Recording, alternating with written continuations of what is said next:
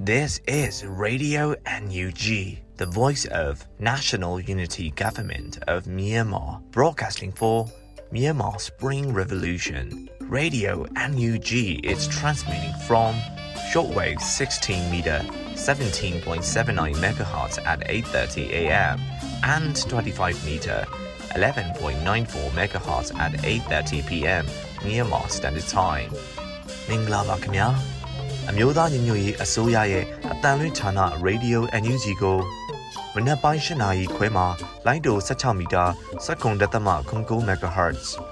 ညပိုင်း၈နာရီခွဲမှာလိုင်းတို25မီတာ17တက်သမ6 MHz တို့မှာဓာတ်ရိုက်ဖမ်းယူနိုင်နိုင်ပါပြီမင်္ဂလာအပေါင်းနဲ့ပြည့်စုံကြပါစေအခုချိန်ကစပြီး Radio NUG အစီအစဉ်တွေကိုဓာတ်ရိုက်အတန်လွှင့်ပေးနေပါပြီ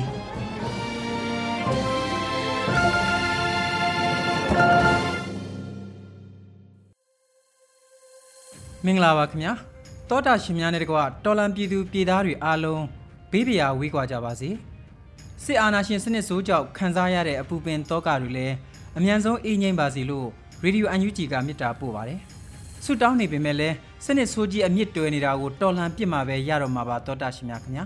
ဒီကနေ့ရေဒီယိုအန်ယူဂျီရဲ့ဖေဖော်ဝါရီလ20ရက်နေ့မနက်ပိုင်းတန်လွင့်စီစဉ်များကိုစတင်ပါတော့မယ်ခင်ဗျာကျွန်တော်ကတော့လွတ်လပ်နေဦးပါ တောတာရှင်များဥဆုံးအနေနဲ့နားဆင်ရမယ့်စီစဉ်ကတော့ဗီဒီယိုအန်ယူဂျီရဲ့စည်ရည်တင်ကောက်နှုတ်ချက်များပဲဖြစ်ပါတယ်။နှွေဦးနိုင်ကတင်ပြမှာဖြစ်ပါတယ်ခင်ဗျာ။မင်္ဂလာပါခင်ဗျာအခုချိန်ကစပြီး2024ခုနှစ်ဖေဖော်ဝါရီလ20ရက်နေ့မနက်ခင်းမှာတင်ပြပေးမယ် Radio NUG စီးရီးသတင်းများကိုဖတ်ကြားတင်ပြပေးသွားမှာဖြစ်ပါတယ်ခင်ဗျာအခုပထမဆုံးတပုတ်အနေနဲ့ပဲခူးရိုးမအတွင်စစ်ကြောင်းထိုးလာတဲ့စစ်ကောင်စီတပ် ၄ချိန်တိုင်တိုက်ခိုက်ခံရပြီးတော့တပ်ဖွဲ့ဝင်40ခန့်တိစုံတဲ့တဲ့ရင်ကိုတင်ပြပေးပါမယ်။ပဲခူးတိုင်းမင်းလာမြို့နယ်အပိုင်းပဲခူးရိုးမအတွင်းကိုစစ်ကြောင်းထိုးလာတဲ့စစ်ကောင်စီတပ်ကိုတော်လှန်ရေးတပ်ဖွဲ့ဝင်များက၄ချိန်တိုင်တိုက်ခိုက်ခဲ့ပြီးစစ်ကောင်စီတပ်ဖွဲ့ဝင်40ခန့်တိစုံသွားတယ်လို့တာယာဝတီခရိုင်တပ်ရင်း3839နှင့်တပ်ခွေး9ကသတင်းထုတ်ပြန်ထားပါတယ်။ဖေဖော်ဝါရီလ18ရက်နေ့မနက်10:00နာရီခန့်ကအင်အား40ခန့်ဖြင့်ကနအူးစစ်ကြောင်းထိုးလာတဲ့စစ်ကောင်စီတပ်ဖွဲ့ကိုတော်လှန်ရေးတပ်ဖွဲ့ဝင်များက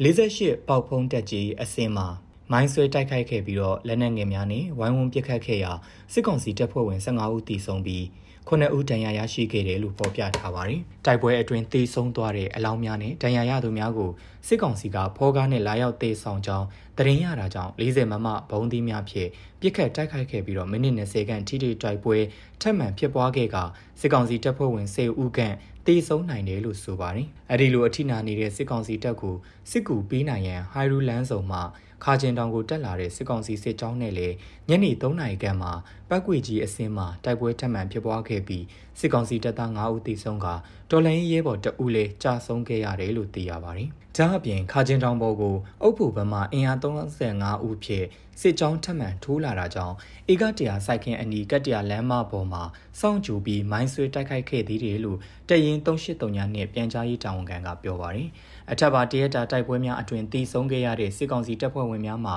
မင်းလှအခြေဆိုင်ခလာရ1နဲ့ပြည်ကပစကစစ်သားများအပြင်ပြည်သူစစ်များနဲ့လူသားတိုင်းအဖြစ်ဖမ်းဆီးခံထားရတဲ့ပြည်သူအချို့လည်းပါဝင်တယ်လို့သိရပါရခင်ဗျာ ဆက်လက်ပြီးဘူးတလင်မှာမီးပတ်ရှို့နေတဲ့စစ်ကောင်စီစစ်ကြောင်းကို SCF နဲ့တော်လိုင်းရေးပူးပေါင်းတပ်ဖွဲ့များတိုက်ခိုက်ခဲ့တဲ့တဲ့တင်ကိုတင်ပြပေးပါမယ်။စကိုင်းတိုင်းဘူးတလင်မြို့နယ်မြို့ပေါ်ကြီးရွာရှိပြည်သူပိုင်းနေအိမ်များအားမီးတင်ရှို့နေတဲ့စစ်ကောင်စီစစ်ကြောင်းကိုကျောင်းသားလက်ယုံတက်တော် SCF နဲ့တော်လန်ရေးပူးပေါင်းတပ်ဖွဲ့များကတိုက်ခိုက်ခဲ့ပြီးတော့စစ်ကောင်စီဘက်ကအထိခိုက်အကြဆုံးများခဲ့တယ်လို့ SCF ထံမှသိရပါတယ်။ ဖေဖော်ဝါရီလ18ရက်နေ့ကအနောက်မြောက်တိုင်းစစ်ဌာနချုပ်နာမခါမှထွက်လာတဲ့အင်အား40ခန်းနဲ့ဘူတလင်မြို့နယ်ကန်ဆွေရွာမှပြန်လည်ထွက်ခွာလာတဲ့စစ်ကောင်စီအင်အား30ခန်းဟာမြို့ပေါ်ကြီးရွာကိုလက်နက်ကြီးလက်နက်ငယ်များနဲ့စတင်ပစ်ခတ်ဝင်ရောက်လာခဲ့တာဖြစ်ပါတယ်။အဲဒီလိုပစ်ခတ်ဝင်ရောက်လာတဲ့စစ်ကောင်စီစစ်ကြောင်းဟာမြို့ပေါ်ကြီးရွာအဝင်မှာမဟာမိတ်ပူးပေါင်းတပ်ဖွဲ့များထောင်ထားတဲ့တိုက်မိုင်းထိမိပြီးအထီးအခိုက်အကြဆုံးများရှိခဲ့တယ်လို့သိရပါတယ်။အဲဒီနောက်၎င်းစစ်ကြောင်းဟာမြို့ပေါ်ကျေးရွာအတွင်းဝင်ရောက်ပြီးတော့ပြည်သူလူထုပိုင်နေအိမ်များကိုမီးတင်ရှို့ခဲ့ရာအင်ဂျီ20ခန့်မီးလောင်ပျက်စီးခဲ့တယ်လို့သိရပါတယ်။ရွာအားမီးတင်ရှို့နေတဲ့စစ်ကောင်စီစစ်ကြောင်းကိုမဟာမိတ်ပူးပေါင်းတပ်ဖွဲ့များကဝင်ရောက်တိုက်ခိုက်ရန်မြို့ပေါ်ကျေးရွာအတွင်းခြေတက်ဝင်ရောက်ခဲ့ရာစစ်ကောင်စီတပ်သားများရွာတောင်ဘက်ကိုထွက်ပြေးဆုတ်ခွာခဲ့တယ်လို့ဖော်ပြထားပါတယ်။အဲဒီလိုထွက်ပြေးချိန်မှာလည်းရွာအထက်မှာတိုက်မိုင်းများထပ်မံတိုက်မိကထိခိုက်ဒဏ်ရာအများအပြားရှိခဲ့တယ်လို့ဆိုပါတယ်။အဆိုပါတိုက်ခိုက်မှုကိုចောင်းသားလက်ယုံတက်တော် Anonymous Heroes တပ်ဖွဲ့မုံရွာခရိုင်တပ်ရင်း24ဘူတလင်မြို့နယ်ပကဖတို့ကပူးပေါင်းဆောင်ရွက်ခဲ့တာဖြစ်တယ်လို့သိရပါတယ်ခင်ဗျာမုံရွာမျိုးပေါ်တနေရာမှာစစ်ကောင်စီတပ်သားများအားပျောက်ကြားစနစ်ဖြင့်တိုက်ခိုက်ရမှာစစ်ကောင်စီတပ်သား2ဦးပြင်းထန်ဒဏ်ရာရရှိက MA3 အမျိုးအစား တနက်နှစ်လက်အားတင်းစီရမိတဲ့တဲ့တင်ကိုတင်ပြပေးပါမယ်။မုံရွာမျိုးပေါ်တနေရာမှာစစ်ကောင်စီတပ်သားများအားပျောက်ကြားစနစ်ဖြင့်တိုက်ခိုက်ရမှာစစ်ကောင်စီတပ်သား2ဦးပြင်းထန်ဒဏ်ရာရရှိက MA3 အမျိုးအစားတနက်နှစ်လက်အားတင်းစီရမိခဲ့တယ်လို့ဖေဖော်ဝါရီလ19ရက်နေ့မှာတန်လာဝတီကာကွယ်ရေးတပ်ဖွဲ့ TLWTF ကအတည်ပြုဆိုထားပါတယ်။တန်လာဝတီကာကွယ်ရေးတပ်ဖွဲ့ TLWTF နဲ့ မုံရွာ M4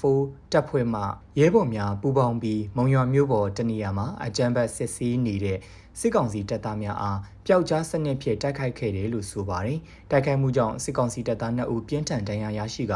MA3 အမျိုးအစားတနက်နှစ်လက်အားတင်စီရမိခဲ့တယ်လို့သိရပါတယ်ခင်ဗျာ။ဆက်လက်ပြီးရေးမြို့နယ်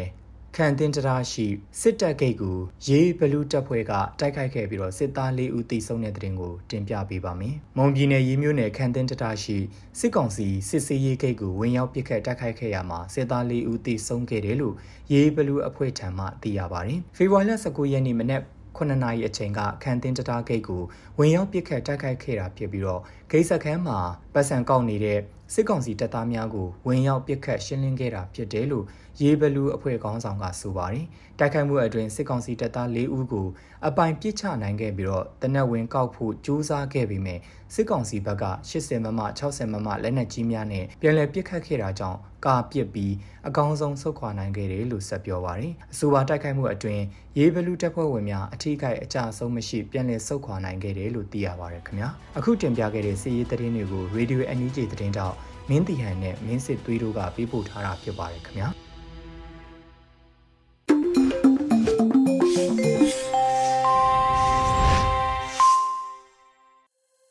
ရေဒီယိုအန်ယူဂျီမှာဆက်လက်တန်လှည့်နေပါတယ်။စစ်ရေးသတင်းများကိုနားဆင်လို့ပြီးမှတော့ဆက်လက်ပြီးပြည်တွင်းသတင်းများကိုနားဆင်ရပါဦးမယ်။ Sortes လူနေကတင်ပြထားပါတယ်ခင်ဗျာ။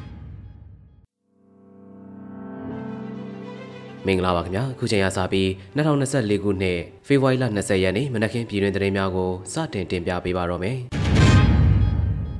ပထမအဆုံးအနေနဲ့ပြည်ထောင်စုလွှတ်တော်ကိုစားပြုကော်မတီနဲ့စကိုင်းတိုင်းဒေသကြီးမှပြည်ထောင်စုလွှတ်တော်ကိုယ်စားလှယ်များတွေ့ဆုံဆွေးနွေးတဲ့သတင်းကိုစတင်တင်ပြပေးသွားပါမယ်။ပြည်ထောင်စုလွှတ်တော်ကိုစားပြုကော်မတီနဲ့စကိုင်းတိုင်းဒေသကြီးမှပြည်ထောင်စုလွှတ်တော်ကိုယ်စားလှယ်များတွေ့ဆုံဆွေးနွေးပွဲကို2024ခုနှစ်ဖေဖော်ဝါရီလ19ရက်နေ့မှာဗီဒီယိုကွန်ဖရင့်မှာတဆင့်ကျင်းပခဲ့ကြပါတယ်။ တွေ့ဆုံဆွေးနွေးပွဲမှာပြည်ထောင်စုလွှတ်တော်ကိုစားပြုကော်မတီဥက္ကဋ္ဌဦးအောင်ကြီးညွန့်မှအဖွဲ့မှစကားပြောကြားပေးခဲ့ပြီးနောက်စကိုင်းတိုင်းဒေသကြီးမှာပြည်ထောင်စုလွှတ်တော်ကိုယ်စားလှယ်များကမြေပြင်အခြေအနေများကိုတင်ပြဆွေးနွေးခြင်းနဲ့သိရှိလိုသည့်ချက်လက်များကိုမေးမြန်းဆွေးနွေးခြင်းတို့ကိုလှုံ့ဆော်ခဲ့ပါတယ်။အဲဒီနောက် CRPH ဥက္ကဋ္ဌနဲ့အဖွဲ့ဝင်များကပြန်လည်ရှင်းလင်းဆွေးနွေးခဲ့ကတက်ရောက်လာသူများကရှေ့ဆက်ဆောင်ရွက်သွားလိုသည့်လုပ်ငန်းများအားအကြံပြုပြောကြားပေးခဲ့ပါတယ်။ တွေ့ဆုံပွဲသို့ပြည်ထောင်စုလွှတ်တော်ကိုစားပြုကော်မတီဥက္ကဋ္ဌဦးအောင်ကြည်ညွန့်နဲ့အဖွဲ့ဝင်များစကိုင်းတိုင်းဒေသကြီးမှပြည်ထောင်စုလွှတ်တော်ကိုယ်စားလှယ်များတက်ရောက်ခဲ့ကြကြောင်းသိရှိရပါတယ်ခင်ဗျာ ဆက်လက်တင်ပြပြီးမှကတော့ကိုကန်ဒေတာကဆရာနယ်ရှောင်းမှလွတ်မြောက်တဲ့အခမ်းအနားကို NUG ကာကွယ်ရေးဝန်ကြီးနဲ့လူလူသပိတ်ခေါင်းဆောင်ဒေါက်တာဒေစာဆန်းတို့တက်ရောက်ခဲ့တဲ့တဲ့င်းပဲဖြစ်ပါတယ်။လောက်ကမြို့မှာပြီးခဲ့တဲ့ဖေဖော်ဝါရီ9ရက်နေ့ကကျင်းပခဲ့တဲ့ကိုကန့်ဒေသတစ်ခုလုံးဆရာနာရှင်လက်အောက်ကလွတ်မြောက်တဲ့အခမ်းအနားကို MNDA ရဲ့ဖိတ်ကြားချက်အရ NUG ကာကွယ်ရေးဝန်ကြီးဦးရမွန်းနဲ့မန္တလေးလူလူတပိတ်ကောင်ဆောင်ဒေါက်တာဒေတာဆန်းတို့တက်ရောက်ခဲ့ကြောင်းလူမှုကွန်ရက်မှာပြန့်နှံ့နေတဲ့ဗီဒီယိုရသိရှိရပါတယ်။အခမ်းအနားကိုမြန်မာအမျိုးသားအမန်တရားနဲ့တရားမျှတမှုပါတီအမျိုးသားဒီမိုကရက်တစ်မဟာမိတ်တပ်မတော် MNDJP MNDA ကဦးဆောင်ကျင်းပခဲ့တာဖြစ်ပြီးမဟာမိတ်အင်အားစုများတက်ရောက်ခဲ့ကြတာဖြစ်ပါတယ်။တအောင်မျိုးသားတပ်မတော် TNLA ကဖေဖော်ဝါရီ17ရက်နေ့သတင်းထုတ်ပြန်ချက်အရ TNLA ဥက္ကဋ္ဌဒုတိယဗိုလ်ချုပ်ကြီးတာအိုက်ဘုံနဲ့ရခိုင်တပ်မတော် AA စစ်ဦးစီးချုပ်ဗိုလ်ချုပ်ထွန်းမြတ်နိုင်တို့လည်းတက်ရောက်ခဲ့ကြတယ်လို့သိရှိရပါတယ်။ညပိုင်းမဟာမိတ်အဖွဲ့များဖြစ်တဲ့ MNDAA TNLA နဲ့ AA တို့က2023အောက်တိုဘာလ29ရက်နေ့ကစတင်ပြီး Operation 1027နေဖြင့် ရှမ်းမြောက်ဒေသကစတင်ပြီးစစ်ကောင်စီကိုတိုက်ခိုက်ခဲ့ကြကရှမ်းပြည်နယ်မြောက်ပိုင်းနဲ့ရခိုင်ဒေသများရှိမြို့များစုကိုသိမ်းပိုက်ထားတာဖြစ်ပါတယ်။စစ်ကောင်စီကလက်လွတ်လိုက်ရတဲ့ကိုကံမျိုးများကိုစုပေါင်းပြီးမြန်မာမျိုးသားများအမှန်တရားနဲ့တရားမျှတမှုပါတီအမျိုးသားဒီမိုကရက်တစ်မဟာမိတ်တပ်မတော် MNDJP MNDA ကမြန်မာနိုင်ငံအထူးဒေသတစ်အုပ်ချုပ်ရေးကိုတည်ထောင်ထားတာဖြစ်ကြောင်းသိရှိရပါတယ်ခင်ဗျာကချင်ပြည်နယ်ပညာရေးဆောင်တက္ကသိုလ်ဝိဇာသိပ္ပံတက္ကသိုလ်ဤပညာတက္ကသိုလ်နဲ့စီးပွားရေးတက္ကသိုလ်တို့ရဲ့2024ခုနှစ် ပညာသင်နှစ်ဖွင့်ပွဲအခမ်းအနားကိုပညာရေးဒုဝန်ကြီးဂျာထေပန်တက်ရောက်ခဲ့တဲ့တဲ့ရင်ကိုဆက်လက်တင်ပြပေးသွားပါမယ်။ကချင်ပြည်နယ် ပညာရေးဆောင်တက္ကသိုလ်ဝိဇာသိပ္ပံတက္ကသိုလ်ဤပညာတက္ကသိုလ်နဲ့စီးပွားရေးတက္ကသိုလ်တို့၏2024ပညာသင်နှစ်ဖွင့်ပွဲအခမ်းအနားအားဖေဖော်ဝါရီလ19ရက်နေ့မှာကချင်ပြည်နယ်ပညာရေးဆောင်တက္ကသိုလ်၌ကျင်းပခဲ့ပါတယ်။အခမ်းအနားသို့မြို့သားညီညွတ်ရေးဆိုရာပညာရေးဝန်ကြီးဌာနဒုတိယဝန်ကြီးဂျာထွေပန် KIO ပညာရေးဌာနမှတာဝန်ရှိသူများတက္ကသိုလ်အုပ်ချုပ်ရေးအဖွဲ့ဝင်များဆရာဆရာမများနဲ့ကျောင်းသားကျောင်းသူများရမီရဖများတက်ရောက်ခဲ့ကြကြောင်းသိရှိရပါတယ်။ အဲဒီနောက်2024ခုနှစ်ပညာသင်နှစ်ဖွင့်ပွဲအခမ်းအနားဆုတောင်းခြင်းမောင်မယ်တက်လင်များအားကြိုးစွနှုတ်ဆက်ခြင်းတို့ကိုကျင်းပလှုပ်ဆောင်ခဲ့တယ်လို့သိရှိရပါတယ်ခင်ဗျာ အကြံဖတ်စစ်အုပ်စုရဲ့စစ်မှုထမ်းဥပဒေမအောင်မမြင်ဖြစ်လိမ့်မယ်လို့လူခွေဆိုင်ရာဝန်ကြီးဆိုလိုက်တဲ့သတင်းကိုဆက်လက်တင်ပြပေးသွားပါဦးမယ်။အကြံဖတ်စစ်အုပ်စုရဲ့စစ်မှုထမ်းဥပဒေမအောင်မမြင်ဖြစ်လိမ့်မယ်လို့လူခွေဆိုင်ရာဝန်ကြီးဦးအောင်မျိုးမင်းကပြောကြားပါတယ်။အကြံဖတ်စစ်အုပ်စုရဲ့စစ်မှုထမ်းဥပဒေဟာခေတ်သစ်ကျွံပြူထားတာထက်ကိုမပိုပါဘူး။မြန်မာနိုင်ငံရဲ့လူတွေကိုဖွံ့ဖြိုးတိုးတက်အောင်လုပ်ရမယ်စားစစ်အုပ်စုဟာလူငယ်တွေရဲ့အလားအလာကိုရိုက်ချိုးဖျက်ဆီးဖို့ကြိုးစားနေတာသာဖြစ်ပါတယ်။အားနည်းလာတဲ့စီရေးမဟာဗျူဟာကိုအချိန်တင်ဖို့ကြိုးစားမှုသာဖြစ်ပါတယ်။အာဏာကိုထိန်းချုပ်ဖို့အတွက်ရရဆက်ဆက်နဲ့အသေးအတန်ကြိုးပမ်းမှုဖြစ်ပါတယ်။ ပြီးတော့ဒီအစီအစဉ်ဟာလည်းမအောင်မမြင်ဖြစ်ပါလိမ့်မယ်လို့ပြောကြားခဲ့ပါတယ်။ဖေဖော်ဝါရီလ10ရက်နေ့မှာကျန်းဖက်စစ်ကောင်ဆောင်ကစစ်မှုမထမ်းမနေရပြည်သူစစ်မှုထမ်းဥပဒေကိုအသက်သွင်းခဲ့ကြောင်းသိရှိရပါတယ်ခင်ဗျာ။အကြံဖက်စစ်အုပ်စုကထုတ်ပြန်ခဲ့တဲ့စစ်မှုထမ်းဥပဒေကိုအသုံးချ၍လူခွေချိုးဖောက်မှုများကိုသတင်းပေးပို့တိုင်ကြားနိုင်ကြောင်းလူခွေဆိုင်ရာဝန်ကြီးဌာနကထုတ်ပြန်လိုက်တဲ့သတင်းကိုတင်ပြပေးသွားပါမယ်။ အကြံဖက်စစ်အုပ်စုကထုတ်ပြန်ခဲ့တဲ့စစ်မှုထမ်းဥပဒေအသုံးချ၍လူခွေရေးချိုးဖောက်မှုများကိုသတင်းပေးဖို့တိုင်ကြားနိုင်ကြောင်းလူခွေဆိုင်ရာဝန်ကြီးဌာနကကြေညာချက်အမှတ်2မြင့်ဆောင်2024ကိုဖေဖော်ဝါရီလ19ရက်နေ့မှာထုတ်ပြန်လိုက်ပါတယ်။ထုတ်ပြန်ချက်အရအရသာပြည်သူများအပေါ်ပေါ်တာဆက်ရန်ကြိုးပမ်းမှုကိုဥပဒေအရတရားဝင်သဖွယ်အကြမ်းဖက်စစ်အုပ်စုကပုံဖော်လာနိုင်ပြီးနိုင်ငံရေးတက်ကြွလှုပ်ရှားသူများအပါအဝင်အရသာပြည်သူများကိုအတင်းအဓမ္မအစဖျောက်ခြင်းများပြုလုပ်လာနိုင်တယ်လို့ဆိုထားပါတယ်။ အမျိုးသားညီညွတ်ရေးဆိုရာလူခွေဆိုင်ရာဝန်ကြီးဌာနအနေနဲ့အချမ်းဖတ်စစ်အုပ်စု၏ပြည်သူစစ်မှုထမ်းဥပဒေကိုအသုံးပြုလျက်လူခွေရေးချိုးဖောက်မှုကျူးလွန်မှုများကိုမှတ်တမ်းတင်၍စစ်ရာဇဝတ်မှုကျူးလွန်သူများကိုထိရောက်စွာအရေးယူနိုင်ရန်ချိုးဖောက်မှုများအားတိုင်ကြားနိုင်ရန်နှင့်နည်းလမ်းများအနေဖြင့်အင်တာနက်စာမျက်နှာကိုဖွင့်လှစ်ထားကြောင်းသိရှိထားရပါသည်။ link မှာတဆင်တိုင်ကြားရန်အခက်အခဲရှိသောပြည်သူများအနေဖြင့်ပူးတွဲပါရှိသောနမူနာတိုင်ကြားစာပါအချက်လက်များကိုဖြည့်ဆွတ်၍ဝန်ကြီးဌာန social media channel များမှတဆင်၎င်းတိုင်ကြားမှုကိုအလွယ်တကူဆင်ပြေစေရန်ပြင်ဆင်ထားရှိကြောင်းအသိပေးထုတ်ပြန်ထားကြောင်းသိရှိရပါတယ်ခင်ဗျာပြည်ထရေးနဲ့လူမှုကြီးကြပ်ရေးဝန်ကြီးဌာနနဲ့ပဲခူးတိုင်းအေရဝတီတိုင်းရန်ကုန်တိုင်းတနင်္သာရီတိုင်းရှိမြို့နယ်ပြည်သူ့အုပ်ချုပ်ရေးဖွဲ့များတွဲဆုံဆွေးနွေးပွဲကျင်းပတဲ့တဲ့ရင်ကိုဆက်လက်တင်ပြပေးသွားပါမယ်။ အမျိုးသားညီညွတ်ရေးဆိုရာပြည်ထရေးနဲ့လူမှုကြီးကြပ်ရေးဝန်ကြီးဌာနနဲ့ပဲခူးတိုင်းအေရဝတီတိုင်းရန်ကုန်တိုင်းတနင်္သာရီတိုင်းရှိမြို့နယ်ပြည်သူ့အုပ်ချုပ်ရေးအဖွဲ့များတွေ့ဆုံဆွေးနွေးမှုအစည်းအဝေး၄မြင်းဆောင်2024ကိုဖေဖော်ဝါရီလ19ရက်နေ့မှာကျင်းပခဲ့ပါတယ်။အစည်းအဝေးမှာပြည်ထရေးနဲ့လူမှုကြီးကြပ်ရေးဝန်ကြီးဌာနပြည်သူ့အုပ်ချုပ်ရေးဦးစီးဌာနညွှန်ကြားရေးမှူးချုပ်မှအဖွဲ့မှစကားပြောကြားခဲ့ပြီးလုပ်ငန်းဆောင်ရွက်ချက်များကိုရှင်းလင်းပြောကြားခဲ့ပါတယ်။ မြို့နယ်ပြည်သူ့အုပ်ချုပ်ရေးအဖွဲ့ဝင်များမှမူဝါဒလမ်းညွှန်ချက်များမြေပြင်အုပ်ချုပ်ရေးဆောင်ရွက်နေမှုများကြုံတွေ့နေရသည့်အခက်အခဲများကိုမေးမြန်းဆွေးနွေးခဲ့ရမှာဝန်ကြီးဌာနမှတာဝန်ရှိသူများကပြန်လည်ဖြေကြားပေးခဲ့ပါတယ်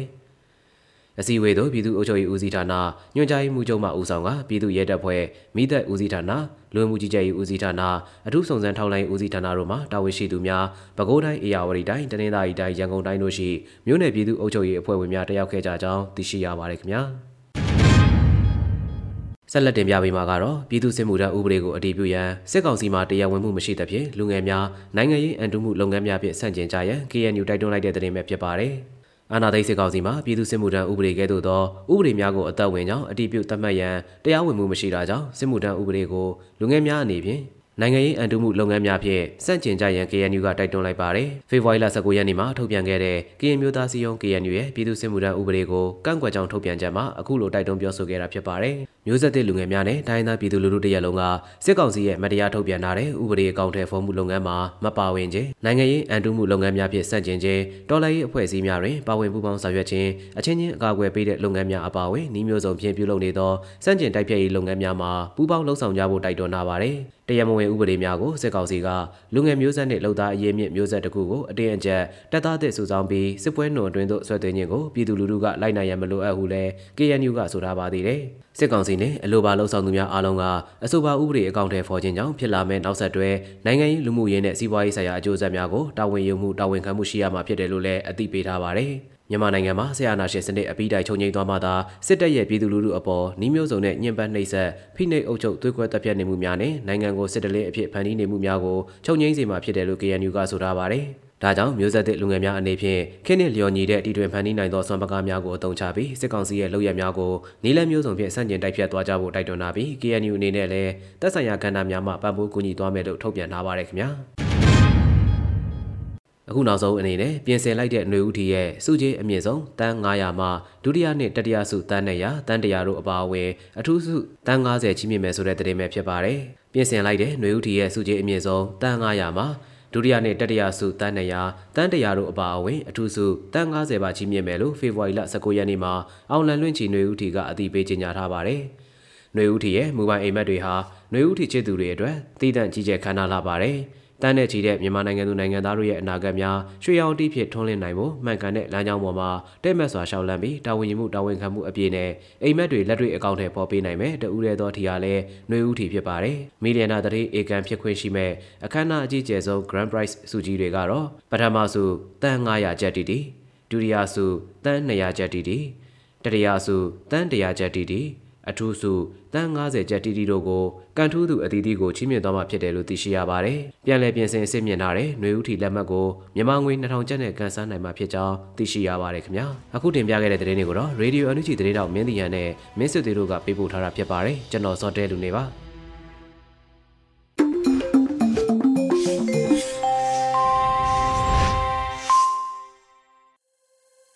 ရေဒီယိုအန်ယူဂျီရဲ့ဖေဖော်ဝါရီလ20ရက်နေ့မနေ့ပိုင်းအတန်လွှင့်စီစဉ်များကိုနားဆင်နေရတာဖြစ်ပါတယ်ခင်ဗျာဆက်လက်ပြီးတော်လိုင်းရေးကြပြတဲ့ပုတ်ကိုနားဆင်ရပါဦးမယ်ကျော်မင်းထွန်းနယူးယောက်ရေးသားပြီးလွတ်လပ်နေဦးကခန်းစားရွတ်ဖတ်ထားတာဖြစ်ပါတယ်ဝေးကွာချင်းကတငယ်ချင်းတွေကြားမှာလို့အမည်ရပါတယ်ခင်ဗျာဝေးကွာချင်းကတငယ်ချင်းတွေကြားမှာ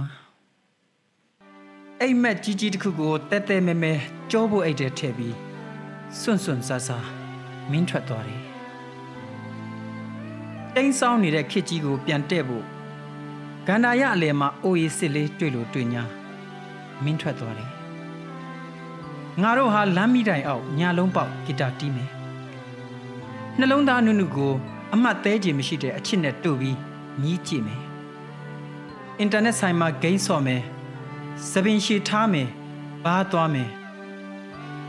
ဘားမှာဆိုတဲ့တခြင်းတွေကိုသပင်ရှည်ရှည်တဲ့ခောက်သိမ်းထားမယ်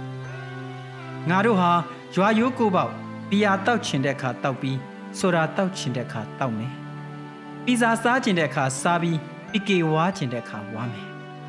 ဘော်ဒါတွေနဲ့ပေါ့ပေါ့ပပတော်ကီပွားပြီးတကြံကြရင်မြတ်နန္ဒာတချင်းနဲ့ကမယ်လူငယ်ဘဝဆိုတာတကယ့်ကိုစပယ်ပွင့်ဖြူဖြူလေးလိုဝေးကွာချင်းကတို့အတွင်းထဲမှာတဲ့ကိုနေဝင်းရေးပြီးကိုခိုင်ထူးဆိုခဲ့တဲ့ကိုပိုင်တန်စင်တေးတပုတ် လမ်းဘေးအုတ်ခုံမှာငါတို့တငယ်ချင်းတွေဂီတာဆုပ်လေးတစ်လုံးနဲ့အော်ဟစ်ခဲ့ကြပါခုတော့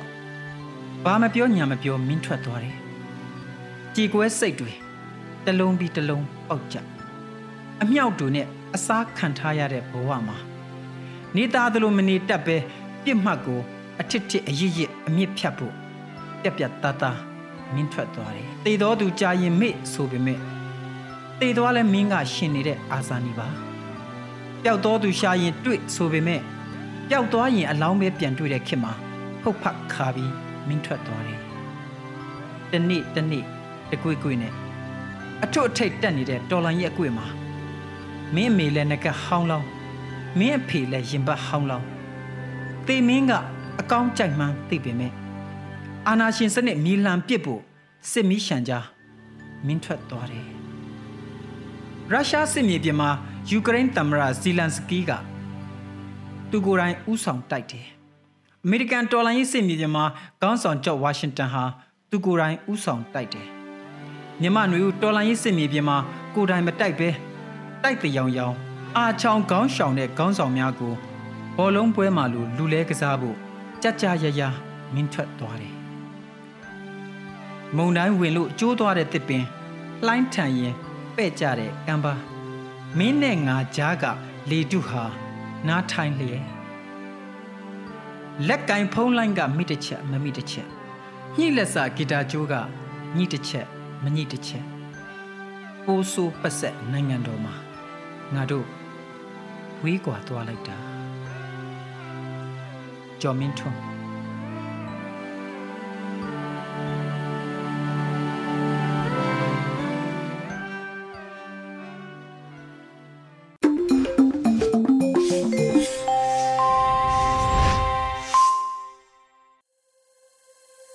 တော်လိုင်းကြီးကြပြတဲ့ပုတ်ကိုထုတ်လွှင့်ပေးခဲ့တာပါအခုဆက်လက်နားဆင်ရမှာကတော့နေ့စဉ်သတင်းများအစီအစဉ်ဖြစ်ပါတယ်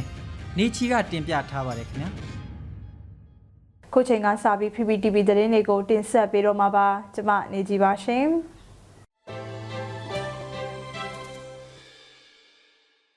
ပထမဆုံးတင်ဆက်ပေးမယ့်သတင်းကတော့ပလဲမြို့နယ်မှာပြူစောထီရွာကထွက်ပြေးလွတ်မြောက်လာသူတွေကိုပြည်သူ့အုပ်ချုပ်ရေးအဖွဲ့ကထောက်ပံ့ခဲ့တဲ့သတင်းမှာ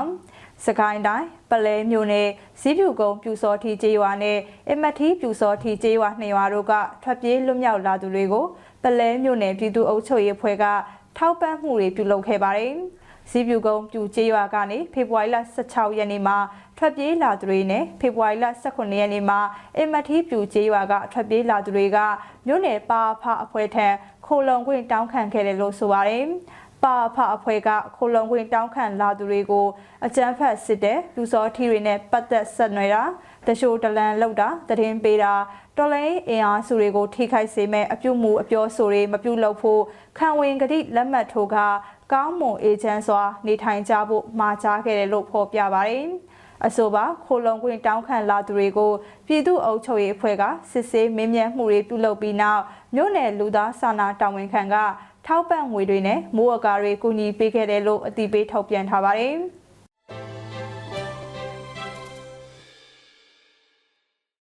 အခုတင်ဆက်ပေးမှာကတော့ဘီလင်းမြို့နယ်မှာအကြမ်းဖက်စစ်တပ်ကလေကြောင်းကနေတိုက်ခိုက်မှုပြုလုပ်ခဲ့လို့နေအိမ်တွေထိခိုက်ပျက်စီးတဲ့တဲ့မှာ ကရင်မျိုးသားစီယုံ KNU ခေါ်သူလေးအုပ်ချုပ်နေမြေဒုတထုခရိုင်ဘီလင်းမြို့နယ်မှာအကြမ်းဖက်စစ်တပ်ကလေကြောင်းကနေတိုက်ခိုက်မှုတွေပြုလုပ်ခဲ့တဲ့အတွက်လူနေအိမ်တွေပျက်စီးခဲ့ရတယ်လို့ KNU ဗဟိုကမနေ့ကထုတ်ပြန်တည်ပေးထားပါတယ်အကြမ်းဖက်စစ်တပ်က ဖေဖော်ဝါရီလ14ရက်နေ့ညနေ2နာရီခန့်မှာဝင်းတာပန်ကျေးဝအတွင်းကိုရဟတ်ရင်အုံပြုပြီးစစ်တပ်နက်တွေနဲ့တိုက်ခိုက်မှုတွေပြုလုပ်ခဲ့တယ်လို့ထုတ်ပြန်ချက်မှာဖော်ပြထားပါတယ်။အဲဒီတိုက်ခိုက်မှုကြောင့်ဝင်းတာပန်ကျေးဝအတွင်းကတိဝတာရမလေးစောကျယ်ရဲထက်ဖာကရပါနော်ဝိုင်းဝိုင်းဒီတာဒီမောင်ချစ်အစရှိသူတွေရဲ့နေအိမ်ခုနှလုံးထိခိုက်ပျက်စီးခဲ့ရတယ်လို့ဆိုပါတယ်။ အကြမ်းဖက်စစ်တပ်ရဲ့လေကြောင်းတိုက်ခိုက်မှုကြောင့်ဝန်တာပန်ကျေးရွာပြည်သူများအနေနဲ့ကြောင်းရွံထိတ်လန့်စွာအသက်ရှင်နေထိုင်ရတဲ့ဆိုတာနဲ့နေအိမ်တွေကိုစွန့်ခွာပြီးတော့ထွက်ပြေးတိမ်းရှောင်နေကြရတယ်ဆိုပြီးတော့လဲထုတ်ပြန်ချက်မှာဖော်ပြထားပါတယ်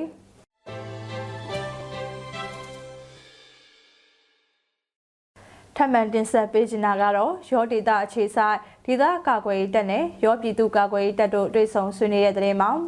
မကွေးတိုင်းကံကောခရိုင် ရောဒေတာအတွင်းရှိ MDS ဒေသကာကွယ်တပ်ဖွဲ့ YPDS ရောပြည်သူကာကွယ်တပ်ဖွဲ့တာဝန်ရှိသူများကနအုပ်လူတဘောတွဲဆောင်ဆွေးနွေးမှုများပြုလုပ်ခဲ့တယ်လို့ရောဒေတာပြည်သူကာကွယ်တပ်ဖွဲ့ထံမှသိရပါတယ်။ရောဒေတာအတွင်းမှာစီရေးနိုင်ငံရေးအရွေကိုအရင်ကထက်ပုံမိုတိုးတက်ချီလစ်လာစီရေးကိုဦးဒီက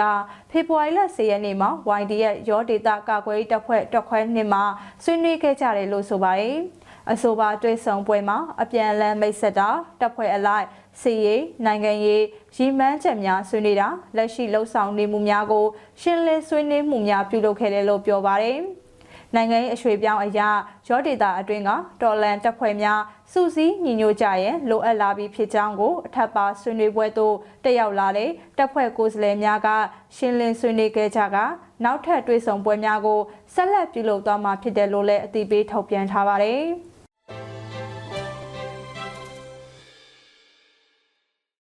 အခုနောက်ဆုံးလေးနဲ့မြန်မာနိုင်ငံတဝန်းကလူမျိုးပေါင်းစုံဘာသာပေါင်းစုံပါဝင်တဲ့ဆီယနာရှင်မြစ်ဖြတ်ချေမုံရေးလူထုဆန္ဒပြပွဲသတင်းတွေကိုစူးစီးတင်ဆက်ပေးမှာဖြစ်ပါတယ်။ရင်းမပင်မြို့နယ်ရဲ့နောက်ပြန်မလဲကြီးဒီတော်လိုင်းတပိတ်စစ်ကြောင်းကအကြမ်းဖက်စစ်တပ်ကြာရှုံးရေးဆန္ဒပြတပိတ်ကိုပြုလုပ်ခဲ့ကြပါတယ်။တော်လန်ပြည်သူတွေက နောက်ပြန်မလဲကြီးဒီတော်လိုင်းတပိတ်စစ်ကြောင်းနဲ့ဖက်စစ်တပ်ကဆွန်ခွာကြပြည်သူရင်ခွင်ခိုလုံကြဆိုတဲ့စာသားကိုကင်ဆောင်ပြီးအကြမ်းဖက်စစ်တပ်ကြာရှုံးရေးဟစ်ကြွေးမှုတွေနဲ့ပြုလုပ်ခဲ့ကြတာပါရမပင်မြို့နယ်ရွှေနယ်တပိတ်စစ်တောင်းကရပ်ပေါင်း942ရက်မြောက်အဖြစ်နဲ့အကြမ်းဖက်စစ်တပ်ကြာရှုံးရေးဆန္ဒပြတပိတ်ကိုပြုလုပ်ခဲ့ကြပါတယ်။ဆန္ဒပြတော်လန်ပြည်သူတွေကရွှေနယ်တပိတ်စစ်တောင်းဆိုတဲ့စာသားကိုကန်ဆောင်ကအကြမ်းဖက်ဆီယာနာရှင်မြစ်ဖြတ်ချေမုံရေးချီတက်ဆန္ဒပြခဲ့ကြတာပါ။ရမပင်စလင်ကြီးရွာပေါင်းစုံတပိတ်က အကြမ်းဖက်စစ်တပ်ကြာရှုံးရေးဖြစ်1060ရက်မြောက်ဆန္ဒပြတပိတ်ကိုကြာဆုံးရဲဘော်တွေအလေးပြုခြင်းခန္ဓာကိုဒီကနေ့မှပြုလုပ်ခဲ့ပါတယ်။ဆန္ဒပြတပိတ်နဲ့ကြာဆုံးရဲဘော်တွေအလေးပြုခြင်းခန္ဓာကိုတော်လိုင်းရဲဘော်တွေနဲ့အတူပြည်သူတွေပူးပေါင်းပြီးလှုပ်ဆောင်ခဲ့ကြတာပါဒေသခံတော်လန်ပြည်သူတွေကနယ်မြေမငြိမ်သက်မှုတွေကြားတဲ့ကပြီးအကြမ်းဖက်စစ်တပ်ကြာရှုံးရေးဆန္ဒပြတပိတ်ကိုနေ့စဉ်ပြုလုပ်နေကြပါတယ်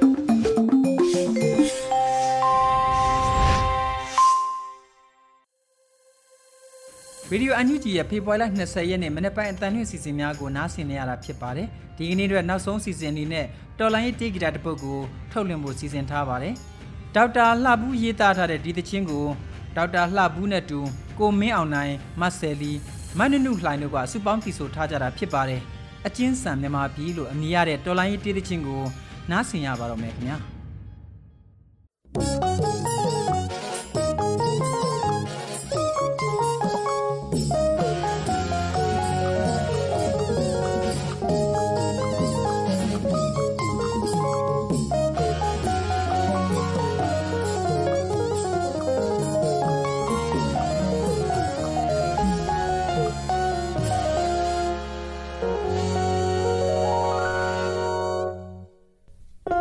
Do doing. Uh,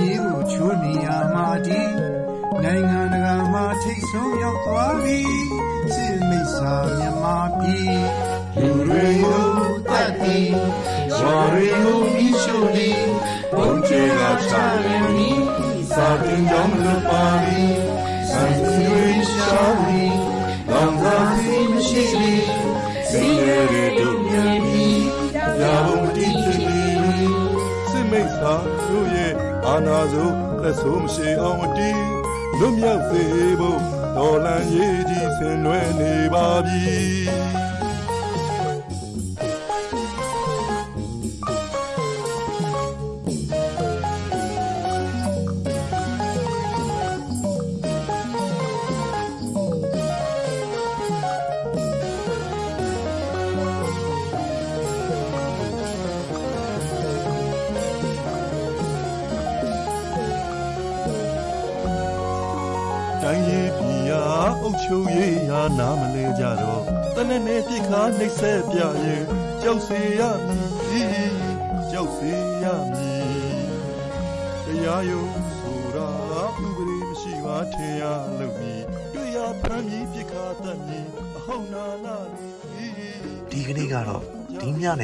Radio NUG ရဲ့အစည်းအဝေးကိုခਿੱတရနာလိုက်ပါမယ်။ မြန်မာစံတော်ချိန်မနက်၈နာရီခွဲနဲ့ည၈နာရီခွဲအချိန်တွေမှာပြန်လည်ဆုံးဖြတ်ကြပါစို့။ Radio NUG ကိုမနက်ပိုင်း၈နာရီခွဲမှာလိုင်းဒို16မီတာစက္ကန့်တသမ9 MHz ညပိုင်း၈နာရီခွဲမှာလိုင်းဒို25မီတာ17သမ6 MHz တို့မှာဓာတ်ရိုက်ဖမ်းယူနားဆင်နိုင်ပါပြီ။မြန်မာနိုင်ငံသူနိုင်ငံသားများကိုစိတ်နှပြချမ်းမာချမ်းသာလို့ဘေးကင်းလုံခြုံကြပါစေလို့ Radio NUG အဖွဲ့သူအဖွဲ့သားများကဆုတောင်းလိုက်ရပါတယ်။အမျိုးသားညီညွတ်ရေးအစိုးရရဲ့စက်သွေးရေးတရင်အချက်အလက်နဲ့ဤပညာဝန်ကြီးဌာနကထုတ်လွှင့်နေတဲ့ Radio NUG ဖြစ်ပါတယ်။ San Francisco Bay Area အခြေစိုက်မြန်မာမိသားစုများနဲ့နိုင်ငံတကာကစေတနာရှင်များလှုပ်အားပေးများရဲ့ Radio NUG ဖြစ်ပါတယ်